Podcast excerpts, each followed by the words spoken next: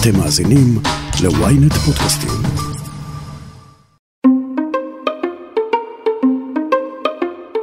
יש מי שקורא לשנות ה-70 וה-80 בחברת וולט דיסני תקופת ימי הביניים. סרטים שהפכו לכישלונות קופתיים, בכירים שנטשו וכאוס מתמשך. זו הייתה תקופת החושך שכולם בדיסני רצו למחוק ולהגיע לרנסאנס שיחזיר את הקלאסיקות, פאר רומא ויוון העתיקות רק בדמות סרטי קולנוע. ב-1988 זה קרה. שנה בלבד לפני בת הים הקטנה, בדיסני עשו קאמבק היסטורי לאנימציה והוציאו את הסרט המבריק, מי הפליל את רוג'ר רביט.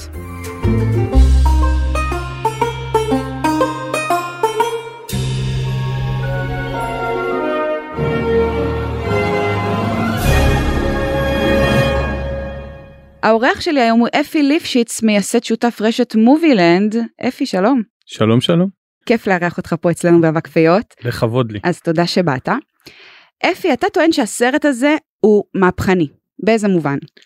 קודם כל אם נתייחס לפתיח שלך אז הוא מהפכני בזה בדרך כלל נותנים לייחס את הרנסאנס של דיסני לבת הים הקטנה. אני חושב שזה קצת לא פייר כלפי רוג'ר רביט כי לא רק שהוא היה הצלחה קופתית אה, מטורפת אני חושב שבמידה רבה הוא החזיר את האנימציה לאופנה כלומר הקהל שהגיע לבת הים הקטנה הגיע אחרי רוג'ר רביט והיה צמא לראות אנימציה של דיסני. ומעבר לזה הוא הישג טכנולוגי אדיר אה, ברמת העשייה שלו פשוט עכשיו יגידו בצדק שהיו דברים מעולם וכבר עשו בערך מאז שקיימת האנימציה יש גם שילוב של אנימציה ושחקנים. אבל אה, אף פעם עד אז לא הצליחו לעשות את זה ברמה כזאת ובהלחם כל כך מוצלח של סרט live action וסרט אנימציה. אז בטח בהיבט הזה זה, זה מהפכנות גדולה ואין בכלל לתאר אפילו. אנחנו רואים מצד אחד אנשים אמיתיים, live action, ומצד שני אנחנו רואים דמויות מצוירות כמו מיקי מאוס והלוניטונס שכבר אנחנו נדבר בכלל על, ה, על המערכת יחסים הזאת בתוך הסרט. אז מה זה סרט לילדים זה סרט למבוגרים? או אז זה באמת אה, סיפור מעניין.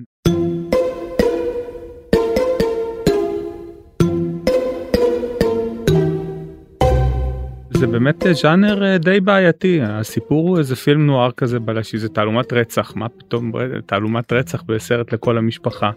זה מתרחש בשנות ה-40 אותם שנים של הפילם נוער הוא מלא בהומור למבוגרים אה, ועוד הרבה כל מיני השתלות שם שאולי נגיע לזה בהמשך של כל בטח, מיני בטח נגיע. של כל מיני דברים שהם לא לילדים בעליל. והדמויות האנימציה הם אה, דמויות אנימציה כל מיני שמסתובבות שם די מטופשות הם כן ילדותיות אז ההלחם הזה הוא גם כן הוא, הוא לא שגרתי והוא אה, באמת בעייתי אז למי הסרט הזה ילדים ומבוגרים. תראי בסוף המציאות הוכיחה שלכולם כי כולם אהבו אותו באו לראות אותו ילדים ובאו לראות אותו מבוגרים זה סנסציה אדירה. הוא מבוסס על ספר ספר שיצא ב-81 של אה, סופר בשם גארי וולף. שקראו לו מי צנזר את רוג'ר רביט שהוא הבסיס שלו הוא אותו בסיס זה גם כן תעלומת בלש כזאת על דמות מרצועת קומיקס שם זה היה שבלש עוזר לה לזה אבל עוזר לה לפתור את התעלומה אבל בערך שם מסתיימים קווי הדמיון דיסני עוד אולי גם על זה נדבר. היו שם חילופי הנהלה באמצע אבל דיסני כבר ב-81 רכשה את הזכויות על הספר ורצתה אה, ורצתה להפיק אותו. והתחילו שם כל מיני אה, ניסויים באיך לעשות את הסרט הזה שמשלב שחקנים ואנימציה והתחילו ממש לעבוד. זה לא צלח וגם היו הרבה בעיות באולפן אחרי זה והתחלפה הנהלה. הגיע ב-84 נדמה לי זה היה אה, מייקל אייזנר. הוא הגיע מפרמאונט ואחד הדברים הראשונים שהוא רצה לעשות זה לעשות סרט אנימציה כי בכל זאת הוא הגיע לדיסני. וגילה שם את הפרויקט הזה שמתגלגל לו בצד ואף אחד לא מתעסק איתו יותר מדי והחליט שאוקיי זה פרויקט מעניין. עכשיו אה, סרט גם כן עם אה, תסריטאים וזה כתבו תסריט היה שם היה ברור שיש פה פרויקט שהוא פרויקט משמעותי מה עשה אייזנר הלך לשני חברים אה, מהעבר הלא רחוק שלו. אייזנר בפרמאונט היה האיש שנתן מימון לשודדי התיבה האבודה של ספילברג ולוקאס. אז בשביל להחזיר טובה מה שנקרא הרים להם טלפון אמר להם חבר'ה בואו אני אני צריך אתכם עכשיו. עזרתי לכם בואו תעזרו לי. והם עלו על העגלה ספילברג הביא גם כן תכף נדבר על זה הרבה מאוד קשרים ורעיונות ואת בוב זמקיס כבמאי וזה בעצם סרט הזה הוא שותפות של אמבלין של ספילברג ביחד עם דיסני. ולוקאס הביא את Industrial Light and Magic אותה חברת אפקטים מופלאה שלו שהוא כן, אי אפשר להגיד ג'ורג' לוקאס בלי, בלי להגיד Star Wars אבל כן. הוא הקים את החברה בשביל סטאר וורס והיא צברה המון ידע וידעה לעשות דברים שגופים אחרים בהוליווד לא ידעו לעשות. ככה יצא הפרויקט לדרך. התקציב היה מטורף הם התחילו איפשהו לזמנו היום זה יישמע סכומים מצחיקים אבל בזמנו זה היה המון המון כסף התחילו איפשהו באזור 45 מיליון דולר והתגלגלו לאזור ה-60 פלוס.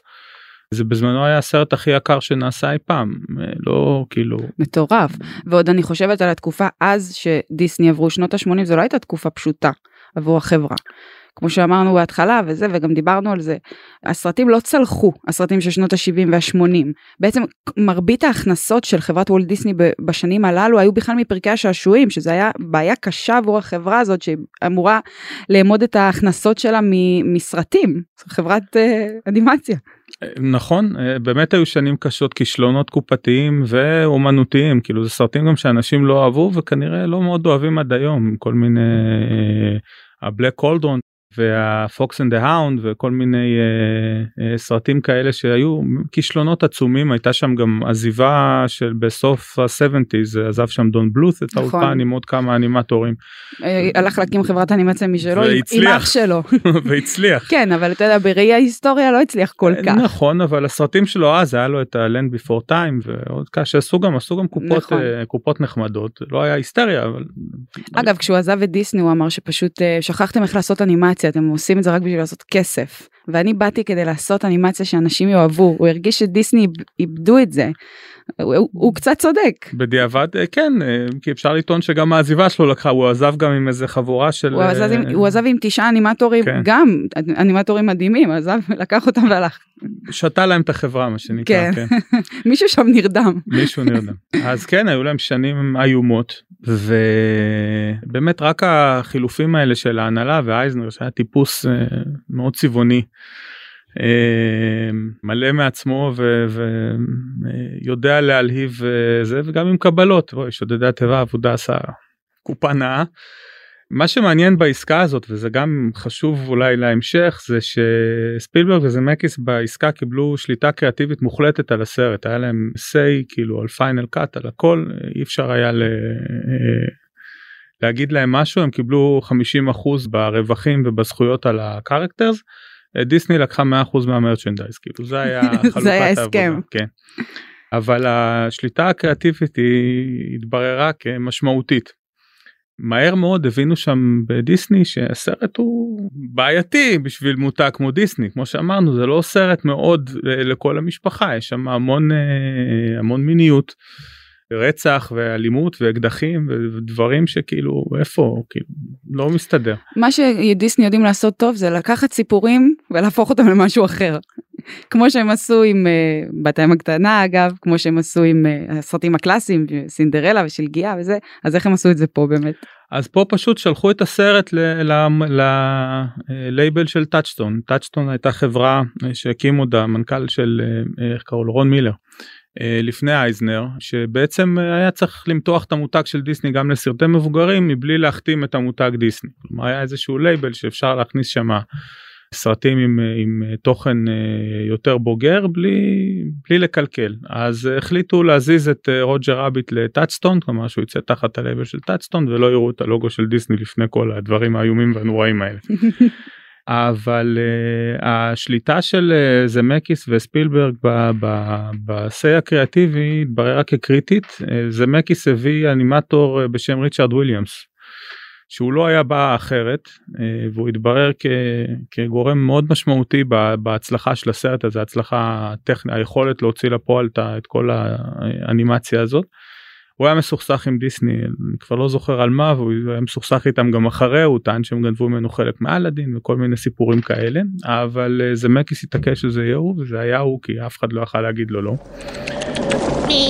What's up, Doc? Jumping without a parachute? Kinda dangerous, ain't it? Yeah. Yeah, you could get killed, huh? You guys got a spare? וספילברג היה גורם שאפשר את כל החוזים עם כל אולפני האנימציה האחרים בסרט מופיעים שם אה, לוניטונס ובקס בני ודמויות של אה, אה, MGM ושל אה, פליישר. Yeah, ain't I a stinker? זהו, מי שמבין קצת מאחורי הקלעים יודע שזה לא משהו שקורה בכל סרט, כלומר דיסני זה דיסני, זה מיקי מאוס וזה בגדול וזה בכל מקום, ופה כשאתה רואה את מיקי מאוס ובאגס ואני, זה, זה משהו שלא רואים, אז איך באמת ספילברג גרם לזה לקרות? הוא באמת, אתה אומר, הוא היה היחידי שיכול היה לגרום לזה לקרות. תראי כנראה שכן באייטי ספילברג היה כמו שכולם יודעים המלך אפשר אליל. לטעון שעד היום גם אבל המלך הבלתי מעורר של הוליווד עם uh, קופות מטורפות מאחוריו הצלחות כבירות ובן אדם שיכול לעשות בערך כל מה שהוא רוצה. לדעתי אף אחד פשוט לא רצה להגיד לו לא כולם רצו שה, שהדלת שלהם תהיה פתוחה בפניו לעבוד איתם ולעשות איתו פרויקטים זה זה היה כן על, זה על... לא רק שהוא היה האיש של הוליווד כי הוא היה מוכשר מאוד והיה לו דמיון וזה, לא הוא היה פשוט גם איש עסקים מסתבר טוב כי צריך לעשות uh, אחלה נגושיישן בשביל לגרום לזה לקרות לגמרי הוא, הוא ידע ל... אה, הם היו חבור הוא ולוקאס הם היו אנשים מאוד מקושרים מאוד מחוברים וזה באמת. עכשיו שאלה למה זה חשוב בכלל שהופיע בקס בני וכל ה... כאילו, למה זה משנה בכלל? למה זה חשוב אפי? כי בעיניי בסוף סרטים נהיים קלאסיקה או לא כי הם מצליחים לבטא משהו מהותי מאוד בסרט בדרכים שהן לא בהכרח קשורות לעלילה עכשיו הסרט מספר על הוליווד בעצם שהשחקנים בה הם קרטונס הם דמויות מצוירות. עכשיו לו זה היה רק דיסני משהו לא העולם הזה כאילו ייראה פתאום מאוד מצומצם. למה לא כל הדמויות המצוירות עובדות שם? העובדה שהם הצליחו להכניס לשם את הכל מהכל. היא, היא נותנת uh, לסרט הרבה נפח. כלומר היא, היא, היא נותנת לעולם הזה להיראות uh, יותר אני לא רוצה להגיד מציאותי כי לא אבל יותר אפשרי. כלומר ב, ב, בדמיון שלנו כצופים כשאנחנו באים ורואים אוקיי אז מיקי מאוס עובד פה גם בקס בני עובד פה גם אה, לא זוכר מי עוד אה, אה, בייבי הרמן וכולם שם הם דמויות שעובדות בתוך ההוליווד הזאת של, ה, של הסרט. He weren't no rabbit or a duck or a dog or a little wooden boy or a sheep. כן, זה גורם ליקום הזה להיראות מאוד מאוד אמין. בדיוק. כולם שם. נכון. עכשיו זה גם יצר כל מיני בין וורנר בראדרס שהיו הבעלים של הלוניטונס לדיסני יריבות דיסני לוניטונס וזה היה בחוזה שבקס בני ומיקי מאוס חייבים לקבל את אותו זמן מסך ואותו מספר שורות. תסתכלו בסרט אפשר ממש לראות שזה אחד מול השני אין שם לא לא תראי את מיקי מאוס בלי בקס בני לידו או להפך. כל מיני תנאים גם יש שם דאפי ודונלד אותו דבר עם הקטע שלהם ב, ב, עם הפסנתרים. I worked with a lot of wisecrackers, but you are despicable. This is the last time I work with someone with a speech impediment. אז אז זה ספילברג עשה אני לא יודע אם אם מישהו אחר בהוליווד של אז היה יכול לגרום לדבר כזה לקרות. ככה בעצם יצאו לדרך עשו את כל ההכנות המסחריות וה, והכספיות. עכשיו צריך לעבוד עכשיו צריך לייצר סרט. אז אחרי שהביאו את, את הקרטונס ואחרי שהביאו את המפיקים והאנשים שעומדים מאחורי זה בוא נדבר קצת על דמותו של אדי הבלש אתה קראת לו הבלש השיכור או אז אדי הוא דמות כן היה בעיה ללהק אותו כלומר הציעו את זה לכל הכוכבים של התקופה היו שם אריסון פורד וצ'ווי צ'ייס וביל מארי וסטלון אפילו סטלון שקלו אותו לתפקיד הוא היה ענק אדי מרפי. אף אחד מהם לא רצה לעשות את הדבר הזה. למה? בגלל האופי של הדמות שהייתה שלומיאלית כזאת ולא יוצלחית ושום דבר לא מצליח לה או בגלל שדיסני היו בקרשים? אפשר לשער אחד אה, דיסני היו אז אה, די בקרשים אם כי אני מניח שספילברג הוא היה היה אטרקציה כלומר כולם רצו מייצב. לעבוד בטח הריסון פורד או שכבר היה להם גם היסטוריה זה תפקיד קשה אתה עובד מול מה מול כלום אה, אתה צריך לשחק מול אוויר. במיוחד בתפקיד הזה של אדי שרוב הזמן מסך שלו הוא חולק עם רוג'ר רביט שלא קיים זה קשה. אה, שתיים עוד פעם זה ז'אנר כזה זה לא פה זה לא פה זה לא תעלומה זה לא מבוגרים זה לא ילדים לא כך ידעו איך לאכול את זה, זה, זה משהו די מוזר. אני חושבת שאולי גם שחקנים גדולים שכבר היו מבוססים אתה מדבר על אריסון פורד ואדי מרפי וזה אולי פחדו באמת לקחת משהו שהם אומרים אני לא בטוח 100% שזה יצליח. וגם לא אמרת לנו, אמרת לנו שהם השקיעו 60 מיליון, אבל כמה הם בסוף גרפו. או, זה, הם, הם גרפו סכום שגם כן בימים ההם הוא כמעט אה, דמיוני, זה 360 או 350 אה, מיליון דולר בעולם, הסרט גמר ראשון ב-World Wide Box Office. ענק. בארה"ב הוא היה שני. אה, אבל באמת סכום אדיר ב- ב- לתקופה. אז אחרי כל הכוכבים האלה הגיעו לבוב אוסקינס לא בדיוק שחקן מהשורה הראשונה אבל שחקן כן. חביב. אה, שאמר אה, אני בפנים כאילו אני חושב שזה אחת ההצלחות של הסרט בלי ספק כל מי שרואה את הסרט לא יכול שלא להעריך את העבודה שלו שם במיוחד אם רואים קצת אה, מאחורי הקלעים על מה הוא היה צריך לעבור בשביל להגיע להופעה כל כך מוצלחת. Well, every time we saw dailies, it was like watching an Invisible Man movie because you know you had this actor looking at nothing, and a voice coming from off camera, in every single shot. A tune killed my brother. A tune? No. That's right, a tune. We we had actors, real actors, not just. הם ידעו שזה בעיה לשחקן לעבוד עם דמות לא קיימת. זה קשה. אני בטוח זה קשה גם לשחקנים גם היום. גם היום כשעושים אבנג'רס וכאלה אז בדרך כלל עומד השחקן עם כל החליפות האלה של ה motion capture אפילו עם איזה אה, תמונה על הראש אה, בשביל שיהיה נקודת מבט. זה הרבה דברים למדו משם. לפני זה זה לא היה. אם אה, נחזור אחורה לסרטים כמו מרי פופינס למשל שיש שם גם שילוב של אנימציה ודמויות חיות שם סצנות שמאוד בולט שג'ולי אנדרוז מסתכלת ימינה ושמאלה והיא לא רואה את הדמויות אין, אין קשר עין לא טוב שנות ה-60 גם זה היה כן עכשיו האנימציה יפה ג'ולי אנדרוס נהדרת הם רוקדים ושרים והכל כאילו שם מאוד uh, צבעוני ויפה וגם הצלחה כבירה מכל הבחינות אבל משהו לא עובד בשילוב הזה משהו לא לא עד הסוף. אז אה, ברוג'ר רביט עשו כמה דברים מעניינים. אחד הם צילמו כל סצנה שמערבת את בוב אוסקינס עם רוג'ר רביט צילמו אותה פעמיים הם הכינו בובות גומי אה, בגודל שכאילו אמור לייצג את הגודל האמיתי של רוג'ר. וצילמו את הסצנה פעם אחת אה, כשהבובה נמצאת איפה שרוג'ר צריך להיות ואוסקינס יכול לתקשר איתה בעיניים. הלכו לראות מה יצא, אמרו לו איפה צריך לתקן ואז צילמו את אותו הדבר בלי שהוא כבר יודע פחות או יותר לאן להסתכל ואיך להתנהל, כלומר איפה הדמות נמצאת מדהים. במרחב. אז מה, כמעט כל סצנה עם הארנב הייתה פעמיים? כן, כן, ממש אם, אם אפשר לראות את זה גם ב, ב, בסרטונים ב-behind the scenes, רואים בובה כזאת לבנה בלי צבעים ובלי כלום בגודל של ארנב שהוא יושב איתה ומדבר איתה. ו... וזה נותן לו את, ה, את הרפרנס הזה וגם לזמקיס שיכול להגיד לו אוקיי עכשיו תסתכל יותר לפה תזוז יותר לשם. לפעמים יש שחקנים שאני אומרת גם כשהם משחקים אחד עם השני זה נראה לי לא אמין. עכשיו אתה אומר יש שחקנים אה, נכון. שמשחקים לה, משחקים לאוויר ו, ו, וזה נראה יותר אמין. בדיוק עכשיו זה זה אה, ספילברג וזמקיס עלו מהר מאוד על הקטע הזה שהעניין של קשר עין. אה, וגם הם הוציאו אה, אה, חוזר לכל האנימטורים שעבדו על, ה, על הסרט בדיוק עם דגש על הדבר הזה כל הזמן לשמור על קשר עין של הדמות ה live action ושל הדמות המצוירת כי זה המפתח לחבר את זה ביחד הם למדו את כישלונות העבר כלומר איפה הדברים מהעבר נראו לא טוב.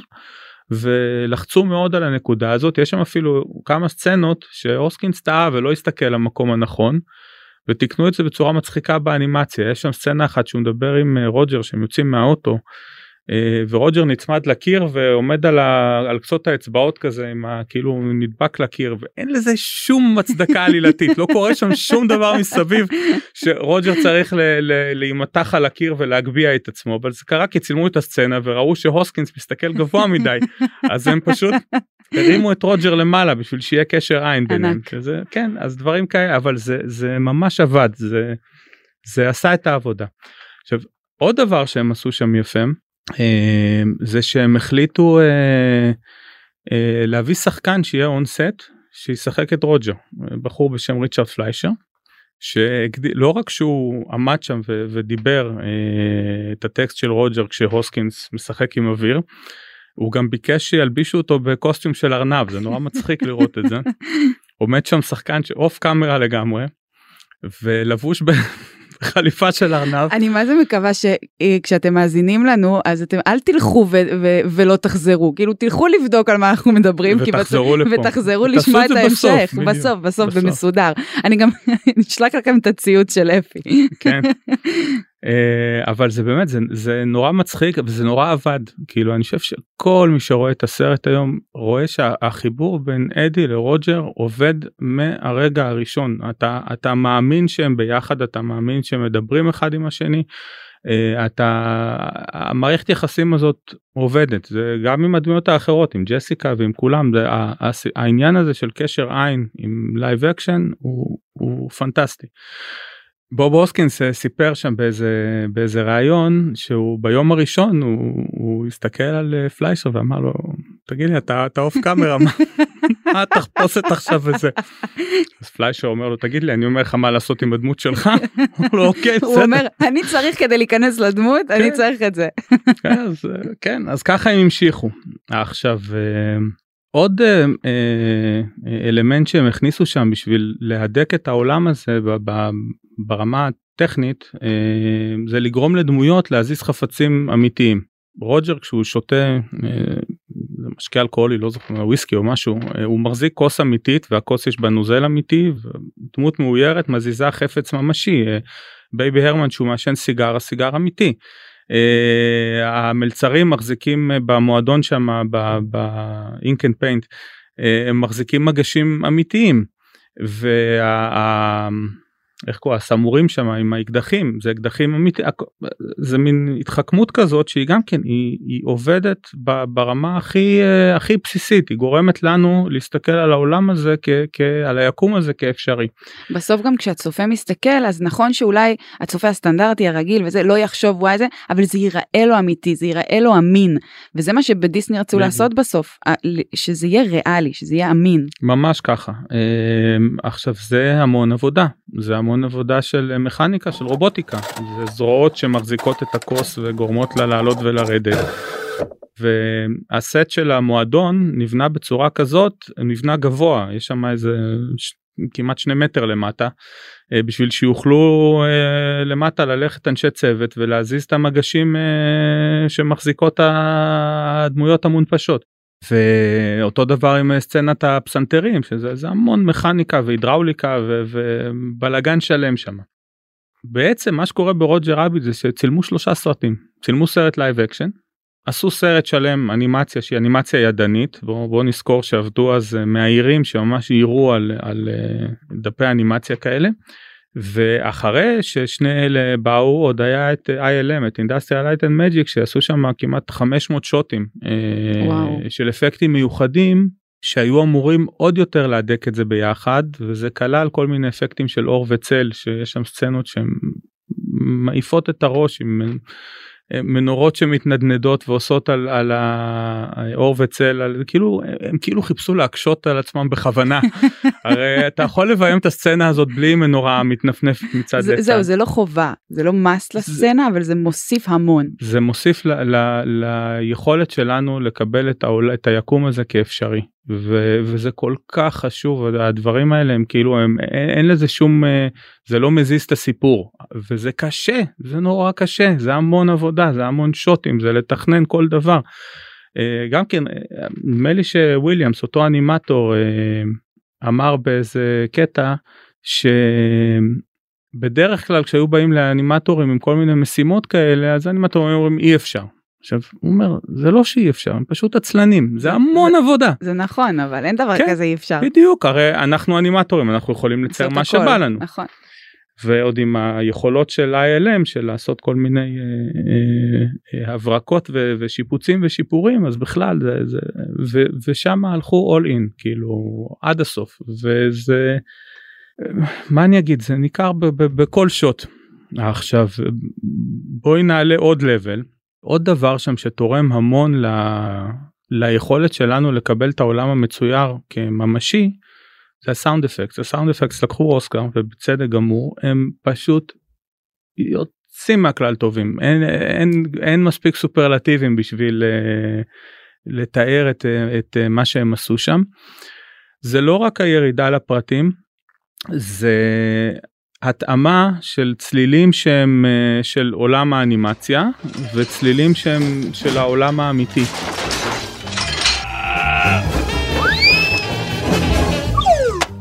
ואפשר גם להשוות את זה לסרטים אחרים שעשו באותו נוסח כמה שנים אחר כך שנה או שנתיים לא זוכר לעשות קול וולד אני לא יודע אם מכירים את הסרט הזה כל כך הוא קצת נזנח זה לא דיסני. ויש שם גם איזה דמות סטייל ג'סיקה רביט קוראים לה הוליווד. אחת הסיבות שג'סיקה עובדת והוליווד לא זה הסאונד אפקט הנקישות עקב שלה הסוושים של השמלה הכל שמה בול. חי. חי. וזה באמת זה זה זה ירידה לפרטים ברמה כזאת שהיא אני אני מעריץ את זה. כלומר אני מסתכל על זה וזה מרגש אותי עד היום כאילו לראות עד כמה אפשר לדייק ולרדת להכי קטנות.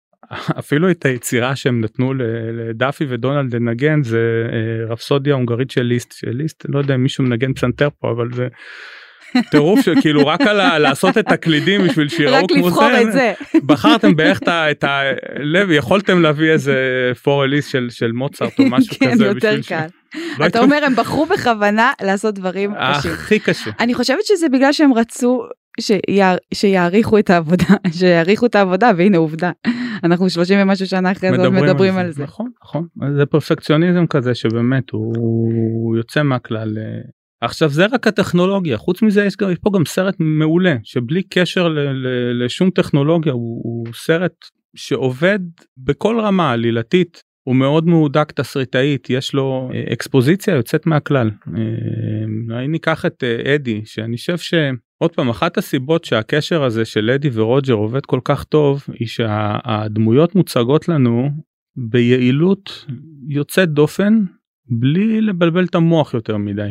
אנחנו מכירים אותם עוד לפני שהכרנו אותם כל כך. עוד לפני שהכרנו אותם.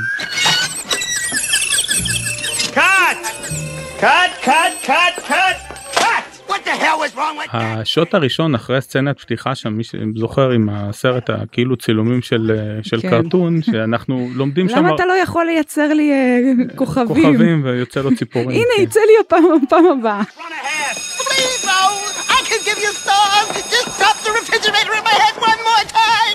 upside your head 23 times already. I can take it, don't worry about me. אז אנחנו גם מתחילים להבין מי זה רוג'ר.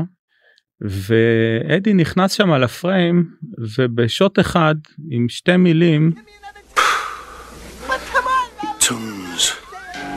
אנחנו מבינים שהוא שונא טונס באיזה מין כן, סלידה כזאת, שזה מילה אחת. אנחנו מבינים שיש לו איזה עבר, איזושהי היסטוריה לא טובה. אנחנו מבינים שהוא לא אוהב את היצורים האלה שמסתובבים פה, שאנחנו עוד לא יודעים מי הם. הוא מכניס את היד לאיפה שאמור לשבת האקדח אה, ומוציא משם בקבוק אלכוהול. כלומר אנחנו גם רואים שאין לו אקדח כלומר הוא איזשהו הסבין כזה או לפחות אה, אה, והוא מסתובב עם, עם אלכוהול בכיס. ומסתובב עם אלכוהול בכיס שאנחנו מבינים שיש פה איזה בעיה. יש פה איזה טיפוס קצת לוזר קצת משהו לא עובד אצלו. וגם אחרי זה כל הסצנות ש, ש, שבאות אחר כך מלאות בכל כך הרבה פרטים קטנים שעוזרים לנו להבין מי זה האיש הזה. הוא קופץ על, על, על הרכבת החשמלית שמה שאין לו כסף הוא מראה לו צ'ק שם של ה... שהוא קיבל מהזה והוא אומר לו מה אני בנק והוא קופץ שם עם הילדים מאחורה לקחת טרמפ לא אין לו גרוש אין לו כסף לתת לחשמלית בשביל לנסוע. הוא מגיע שם לבר לעשות קצת פוזות עם הצ'ק שלו שאנחנו מבינים שהוא מסובך שם גם בעוד עניינים כספיים. So who's your client, Mr. Detective to the stars? Chili Willy? or screwy squirrel? בבר יש שם סצנה שבה אחד הלקוחות שם ומקנית אותו והוא מכניס לו שם אלימות די קשה כאילו בטח לסרט ילדים. Get this straight, meatball. I don't work for Jones. אנחנו מבינים שגם לא הוא אולי כזה לוזר וקומבינטור וקצת שקרן ו- ולא בדיוק טיפוס מוצלח אבל הוא גם לא טיפוס שכדאי לך להתעסק איתו כלומר הוא בחור די קשוח. כן לא פראייר. לא פראייר. Uh, הוא יודע למרות החזות הכאילו גוצית ושמנמנה הוא יודע uh, לתת מכות כשהוא צריך ופתאום יש לך דמות שבלי להרגיש היא עולם שלם. ו- וזה נעשה ואנחנו גם מבינים שם שיש סיפור אה, אנחנו מבינים למה הוא שונא את הטון כי זה גם כן בשורה אחת של של דיאלוג שהיא מסבירה לזה שטון זרגו את אח שלו. פתאום יש stakes יש יש משהו לעבוד איתו. גם אחר כך הוא חוזר למשרד שם אנחנו רואים שהשלט שם וליאנט את וליאנט שלט שבור כזה תלוי לא לא בסדר. אה, הוא זורק את החשבונות שהוא מקבל לפח כלומר אנחנו יודעים שהוא לא מתכוון לשלם אותם. לא משלם גם את החשבונות. ובתוך המשרד יש שם שטיק שזמקיס עשה אותו כבר בחזרה לעתיד אה, עושים לנו שם מין פן כזה על כל החדר ואנחנו רואים המון צילומים ודברים על השולחן שגם כן זה סיפור שלם לשלושה סרטים רק מה שרואים שם. ובשתי דקות כל הסיפור פתאום גמור. עכשיו אנחנו משהו כמו 20 דקות בתוך הסרט. לא לא קרה עוד שום דבר מהותי וכבר הכל פרוס לנו אנחנו מבינים שהיה שם אח מבינים שהייתה שם מערכת יחסים עם האח רואים שם אפילו איזה תמונה שהוא ואח שלו והאבא עבדו בקרקס כלומר יש שם רואים יש שם איזה פסל של אה, בטי בופ שהוא דיבר איתה קודם במועדון הכל סגור בול. וזה פשוט קולנוע טוב כאילו עזבי רגע עוד אה, תראי שדיברתי עכשיו כמה דקות לא הזכרתי את המילה אנימציה בכלום נכון. זה הכל על דמו הכל live action עם שחקנים חיים וזה פשוט זה קולנוע טוב זה קולנוע שמייצר engagement מה, מה שנקרא שאתה בתור קהל אתה כבר אוקיי אני יודע מי זה הבן אדם הזה אני רוצה לראות את הסיפור שלו. בדיוק זה גם הסיפור שלו כלומר זה הגיבור שלנו אז uh, אני חושבת שגם uh, אחת הדרכים לעשות את זה זה אנחנו צריכים בתור צופים להתחבר אל הגיבור. זה מה שלימדו אותי כשלמדתי תקשורת פעם. זה נכון, כן. להתחבר לגיבור ולאהוב את הגיבור, לא משנה אם הוא שלומיאל, אם הוא לא, לא מוצלח כל כך, כאילו. אנטי גיבור, לוזר כן, כזה. בדיוק, כן. לוזר.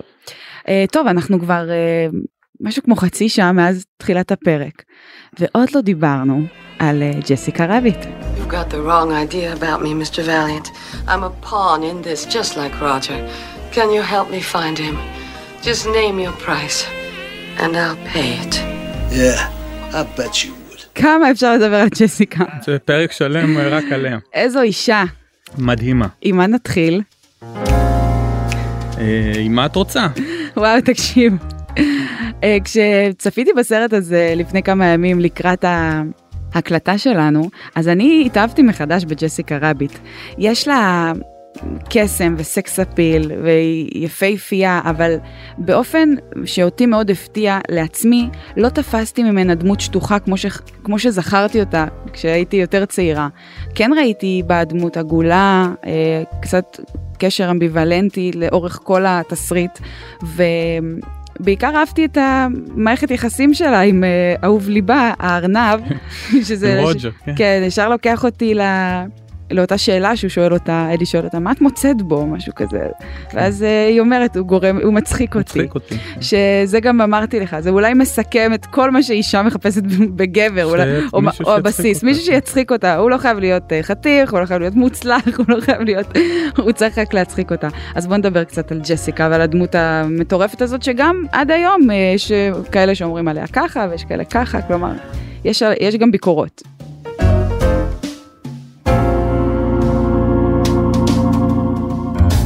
כן תראה הביקורות הם אה, כי ייצוג אה, לא מאוד מציאותי של אישה. נכון לא מציאותי בכלל. אה, אני חושב שגם כן אחד מישהו אמר אני לא זוכר אם זה היה זה מקיס או וויליאמס שם שאמרו שאם היה השתה כזאת במציאות היא הייתה נופלת אין מידות כאלה של של גוף של. כן. זה לא באמת אפשרי אבל אנחנו לא בעולם האפשר אנחנו בעולם הפנטזיה. אבל אה, אם נתעלם רגע מהמאפיינים הפיזיים שלה אה, שהם באמת פנטזיונרים אה, לחלוטין הדמות שלה היא מאוד מעניינת. היא לכאורה היא פאם פאטל כזאת קולנועית. אנחנו בהתחלה אנחנו חושדים בה קצת. You had plenty money 1922 פעם ראשונה שאנחנו רואים אותה שם בהופעה המאוד חושנית הזאת אה, מלטפת את אותו אדון שאחרי זה מצול... אדי מצלם אותם בסמטה כן. בבקסטייג' כן. Like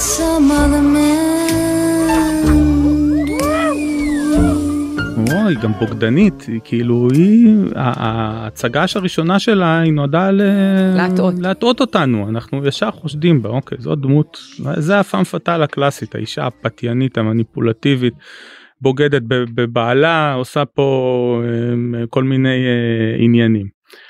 אבל uh, מהר מאוד uh, הסרט עושה שם תפנית מאוד יפה איתה. אנחנו מתחילים להבין שהיא גם אינטליגנטית מאוד היא יודעת בדיוק מה היא עושה בכל רגע והיא אומנם מניפולטיבית היא מסובבת את כולם איך שהיא רוצה אבל היא עושה את זה לא בשביל עצמה היא עושה את זה בשביל רוג'ר היא רוצה לנקות אותו מאותה אה, בעיה שהוא, שהוא נמצא בה. אה, היא לא אנוכית כלומר המניע שלה הוא מניע טהור. זהו שלאורך הסרט אני מפקפקת בזה שהיא באמת באמת אוהבת אותו רק לקראת, לקראת האמצע סוף אני מבינה באמת שהיא באמת אוהבת אותו היא עושה את זה בשבילו. נכון ו- ואני חושב שזה מה שיפה בדמות שלה אז אנחנו גם רואים מהר מאוד שהיא אינטליגנטית אנחנו רואים שהיא לא מתביישת להשתמש ב- ב- בנכסים שיש לה והיא יודעת שיש לה. I'm not bad. I'm just drawn that way. יש שם משפט בדרך כלל זוכרים לה את המשפט של אני לא רעה אני רק מצוירת ככה שזה כאילו הפאנץ' הלף ליין הזה. אבל ש... אתה לך יש פאנץ' אחר. המשפט שהיא אומרת שנייה קודם הוא בעיניי המהותי היא מסתכלת על אדי והיא שואלת אותו היא אומרת לו אתה יודע כמה קשה להיות אישה אה, בעולם הזה שנראית איך שאני נראית שזה משפט אדיר ב, כאילו מאוד כמו שאמרתי דמות מאוד עגולה היא, היא, היא מלאה תוכן ואני חושב שהמשפט הזה יוצק את התוכן לדמות שלה. אני גם חושבת שברגע שהיא אומרת את זה ואנחנו כצופים מאזינים לזה, אני, זה גורם לי להרגיש לא טוב עם עצמי. כי אנחנו באופן, באופן אה, מאוד לפעמים טבעי מכניסים אנשים, נשים לתבניות, להגדרות. נכון, נכון. וג'סיקה פה בשביל להוציא אותנו מהתבנית הזאת, להגיד זה לא, אם היא נראית ככה, זה לא בהכרח אומר שהיא ככה. היא יכולה להיות אלף ואחת דברים. זה, זה נכון. גורם לי משי צופה להגיד עוד פעם חטאת והכנסת אותה לתבנית. והכנסת אותה לתבנית. כן, שזה גם אדי בהתחלה מכניס אותה לתבנית ואפילו עד הסוף עד שהיא מצילה את חייו למעשה. Valiant. Behind you! באותה סמטה שם בטונסטאון. Drop it, lady! I just saved your life and you still don't trust me? I don't trust anybody or anything. Not even your own eyes? גם אז הוא לא בדיוק מבין מה היא עושה ו- וכאילו לאן היא חותרת רק שם הוא כבר מתחיל להבין שהיא בעצם לא הפאם פאטאל האיומה החשודה מהמם. אבל אה, היא זאת שבסוף פותרת את התעלומה ו- ומביאה לה פתרון. היא אולי- נכון, היא בסוף מצילה את בעלה. היא מצילה את בעלה היא מצילה את אדי והיא גם היא זאת שמבינה שאותו דום אה, הוא הטיפוס הבעייתי היא יודעת לאן היא חותרת היא יודעת מה היא רוצה להשיג. והיא בדרך לא לא עוצרת בשום מקום כולל uh, uh, לתת מחבת בראש לרוג'ר ולשלוף אותו ו- ולעשות מניפולציות על אדי במשרד שלו עם הרבה פתיינות ולא סופרת אף אחד לא את החברה של אדי שנכנסת שם בדלת והיא לא רואה בעיניים היא לא יש- רואה בעיניים. לא רואה בעיניים. זה זה דמות אדירה בטח לתקופה לא הראו אז הרבה דמויות נשיות שהם כאלה נכון. אסרטיביות וזה וקל לפספס אותה בגלל שהיא כזאת. זה מעניין שאמרת את זה עכשיו כי זה באמת אה, לוקח אותי לנקודה שרציתי להתייחס אליה שכשאנחנו חושבים וחושבות על הנשים בדיסני עד לאותה תקופה אז זה לוקח אותנו לתקופה הקלאסית של שנות ה-30 וה-50 שזה שלגיה ואורורה וסינדרלה ואז באמת יש לנו תקופה מאוד מאוד ארוכה של באמת כמו שאמרנו ימי הביניים של דיסני תקופת החושך שבה אין נכון. ואז כמו שאמרת בהתחלה אנשים נוטים לחשוב או אולי טועים שבת הים הקטנה היא זאת שפתחה את תקופת הרנסאנס אבל בעצם אתה אומר לא רוג'ר רביט לגמרי לגמרי שם. Thank you. ומהבחינה הזאת ג'סיקה רביט באמת מתקשרת לקו שדיסני לוקחים בכל הקשור נכון, לדמות נכון. של אישה. דמות אישה חזקה, אסרטיבית, שיודעת מה היא רוצה, חולמת, שואפת, מגשימה, לא חולמת עכשיו על הנסיך שתפגוש ביער, וג'סיקה בדיוק שם כי היא גם מצילה את הגברים בחייה, בדיוק כמו נשות הרנסאנס של דיסני, תחשבו נכון. על זה מולן, ובת הים הקטנה אריאל, והיפה והחיה, וכמעט כל סרט רנסאנס יש לה, אה, לאישה סצנה שבה היא מצילה את הגבר שלה, וג'סיקה בדיוק שם. בול שם כן והיא הייתה לא יעזור כאילו אפשר להגיד בת הים הקטנה עד- היא הייתה הראשונה. עד מחר זה לא, זאת ג'סיקה חבר'ה. ג'סיקה, בדיוק. טוב, עוד מעט נמשיך, אבל קודם, הפסקה קצרה. היי, אני יובל מן. ואני אושרית גנאל. בעולם הטכנולוגי של היום צריך שמישהו יעשה קצת סדר. הצטרפו אלינו לרפרש, פודקאסט הטכנולוגיה של ynet. בכל שבוע נדבר על מה שחדש ומעניין בעולם הדיגיטלי. רשתות חברתיות, גאדג'טים, המצאות חדשות, וגם הפוליטיקה של חברות הענק. חפשו רפרש בוויינט או באפליקציית הפודקאסטים שלכם.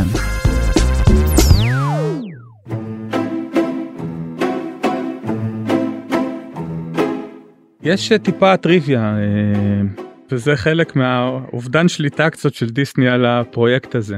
בכמה אנימטורים כנראה מותשים משעות עבודה לא הגיוניות ציירו כמה פריימים לא מאוד לא, צנועים של כן. ג'סיקה יש שם סצנה שהיא אה, עפה מהמכונית מהבימבה הזאת. והשמלה שלה מתנפנפת ככה ובפריימים שהם ציירו יש שם כמה פריימים שהיא רואים שרואים שהיא לא לבושה מתחת לשמלה. עכשיו אבל בסרט זה לא רואים את זה בסרט. אז או אז בסרט לא ראו את זה אבל במהדורת ה-VHS אני חושב שזה היה VHS או הלייזר דיסק אני כבר לא זוכר הפריימים האלה מצאו את דרכם פנימה איכשהו. איכשהו מישהו שם מישהו שם התבלבל. בכלל שם האנימטורים כמה שאני אה, יודע וקראתי עבדו מאוד מאוד כאילו זה לוז בלתי אפשרי היה לסרט הזה עם עבודה מטורפת אה, על כל פריים ופריים והגיעו שם למצב שעובדים 17 ו-20 שעות ביום כאילו דברים מטורפים לחלוטין. אז uh, יש שם בסרט שתולים כל מיני תכנים מאוד מפוקפקים שלדעתי אפילו לא שמו לב ב... ב מי לא שם לב? האקזקיוטיב בדיסני בזה לא אין מצב. אני אתה חושב? אני כמעט בטוח. אומרים שמה שגרם ל, לרוי דיסני שהיה אז שם האחיין. האחיין של וולט כן. אה, להזיז את הסרט לטאצטון היה שורה של אה, זה ארנב בכיס שלך או שאתה שמח לראות לראות אותי. שוב, אני לא חושבת שזה כזה משפט נורא. כי נכון אבל בסרט זה לכל משפט שהוא המשפחה שגור, הוא ש- הוא- אבל הוא שגור כבר היום, אולי בשנות היום. ה-80, לא, אוקיי. בטח לא בסרט ל family כאילו זה אולי אה, הומור כזה. סליחה, סתם. וג'סיקה עם כל הפתיינות שלה בהתחלה זה family? אז כן תראי יכול להיות שיש פה איזה מידה של וכל הציצי שלה בחוץ זה ש- family? יש פה איזה מידה של אגדה אורבנית כנראה ב- בסיפור הזה אבל אומרים שדווקא זה הדברים ה- נקרא לזה המאוד אתה לא יכול לראות את הסרט ולא לשים לב לשורה הזאת. אבל אתה כן יכול לראות את הסרט ולא לשים לב שבתא שירותים שאדי נכנס אליו ב Toontown כתוב שם על הקיר for a good time call Allyson Wonderland. אני לא יודע אם מישהו בדיסני היה מאשר דבר כזה. אז תשמע, אליס בארץ הפלאות, good time יכול להיות גם פטריות, אתה מבין את הבעיה? בתא שירותים כן, נכון, לא. זה כנראה לא, אבל אני- אני רק אומרת, good time באליס בארץ הפלאות. נכון אה, ברור היו שם שיש כל פה כך הרבה דברים שקשורים לסמים פסיכודליים וזה, שאני. אומרת- שאני אומרת good time אצל אה, זה, זה אולי הדבר שהכי פחות נורא. אז אם זה היה בקיר אחר אני אומר בסדר. מילא, אבל בתא שירותים בשירותים. ב eighties. אבל זה באמת פרט שרק בגלל שאני קראתי את הציוץ המדהים שלך על מלפלילות רוג'ר רביט, אני יכולתי לראות את זה אחר כך בסרט, שמתי לב, אבל אם לא הייתי קוראת ולא היית מפנה תשומת ליבי לזה, כנראה שלא הייתי רואה את זה. בדיוק זה דברים שלא רואים זה גם אני קראתי על זה לא הייתי אתה, אתה לא שם לב לזה זה חולף. נכון, יש עוד דברים שלא רואים. יש שם בסוף יש אה, ממש אחרי שכבר הסרט נסגר רואים איזה רכבת חולפת אה, ברקע עכשיו אם עושים פריז פריים לרכבת אז רואים שם שבחלונות יש שם כל מיני מעשי אלימות מאוד כן. כולם מאוד הורגים קשים אחד את כולם השני. הורגים שם אחד את השני. אז הסרט מלא בכל מיני שטויות כאלה קטנות שלדעתי זה בדיחות של אנימטורים כאילו אני אני מתקשה לראות איך איך אה, איזשהו אקזקיוטיב אמר טוב בסדר בוא בוא נשאיר את אליסון וונדרלנד שם. בפריים אה, בכוונה. אה, לא נראה לי אבל זה באמת זה כל כך אה, זה תמצמץ ולא תראה גם היום בשביל לראות את זה אתה ממש צריך לעצור את הסרט כאילו זה לא משהו שאתה יכול לראות נכון, זה לא משהו שרואים. בצפייה רגילה. תשאלי בטח איך זה ש... שסרט כזה לא היה לו sequel. הופה, שאלה טובה. זה סיפור די כמובן שרצו sequel. אה, לא רק שרצו sequel מיד אחרי ההצלחה הפנומנלית התחילו לעשות shorts של רוג'ר רביט סרטונים קצרים בכיכובו כן, ולהכניס לסרטים אה, בדיוק ולשים אותם בתור preview לפני ריליסים אחרים כמו של שעושים אה, מפיקסאר. נכון כן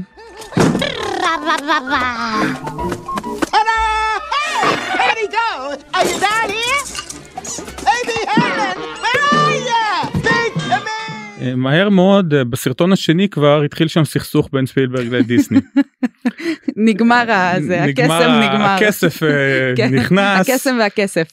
עכשיו חבר'ה זה כבר משחק חדש אמ, והתחיל שם סכסוך די כאילו די משמעותי על, על אתה מסתכל על זה ואתה אומר מה זה השטויות על זה אתם רבים? כאילו אבל כן אגואים מה לעשות. כן. דיסני רצו את הסרטון השני לצרף אותו לדיק טרייסי שהיה הפקה גדולה ומושקעת שלהם וספילברג רצה לצרף אותו לארקנופוביה שהיה גם כן שותפות שלו עם דיסני ואיכשהו דיסני לקחו את הסרט לדיק טרייסי וספילברג נורא נעלב ושם כבר כל התוכניות אה, והזה בגלל שהם 50-50 בזכויות אה, עלו בתוהו.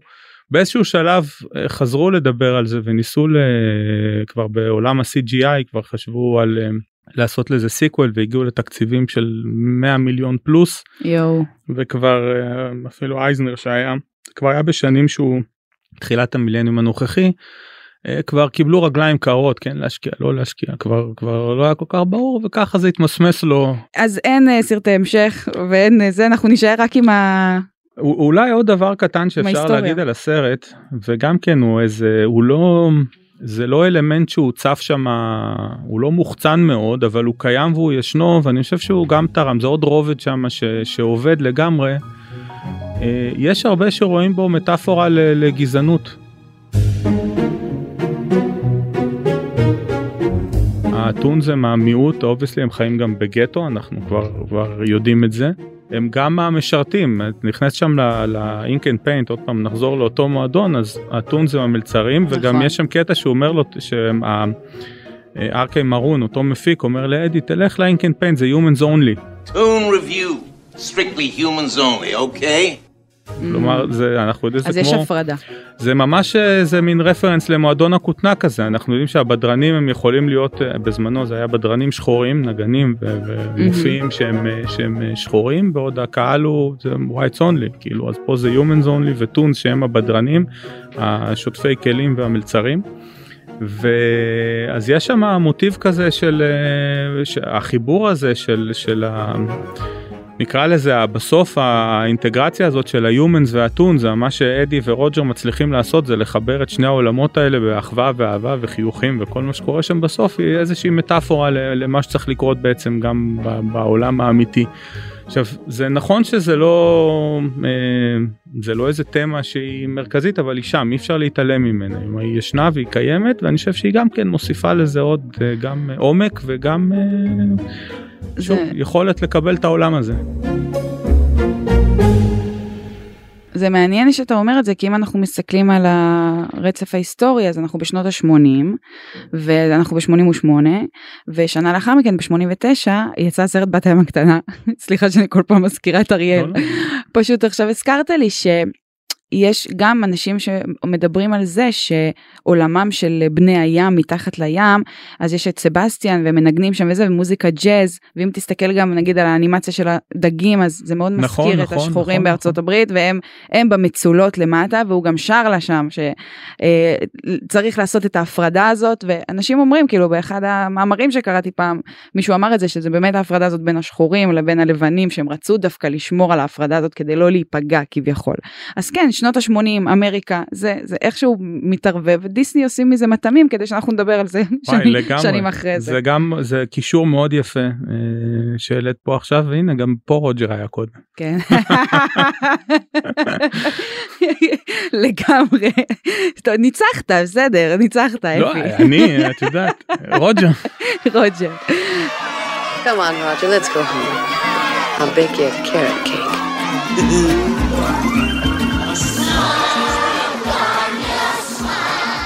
אפי, אה, תודה רבה שהגעת אלינו, ממש שמחתי לארח אותך. תודה רבה שהזמנת אותי באמת שהיה לי לעונג ולכבוד. אני מקווה שגם אתם נהנתם. יאללה ביי. ביי ביי. עד כאן אבק פיות להפעם. אתם מוזמנים לעקוב אחרינו ב ynet, ספוטיפיי או בכל אפליקציית פודקאסטים שבא לכם עליה. דרגו אותנו גבוה גבוה באפל פודקאסט ותשלחו את הפרק לחברים. תודה לעורך הפודקאסטים שלנו רון טוביה, על הסאונד גיא סלם, אני משי היד. נשתמע בפרק הבא.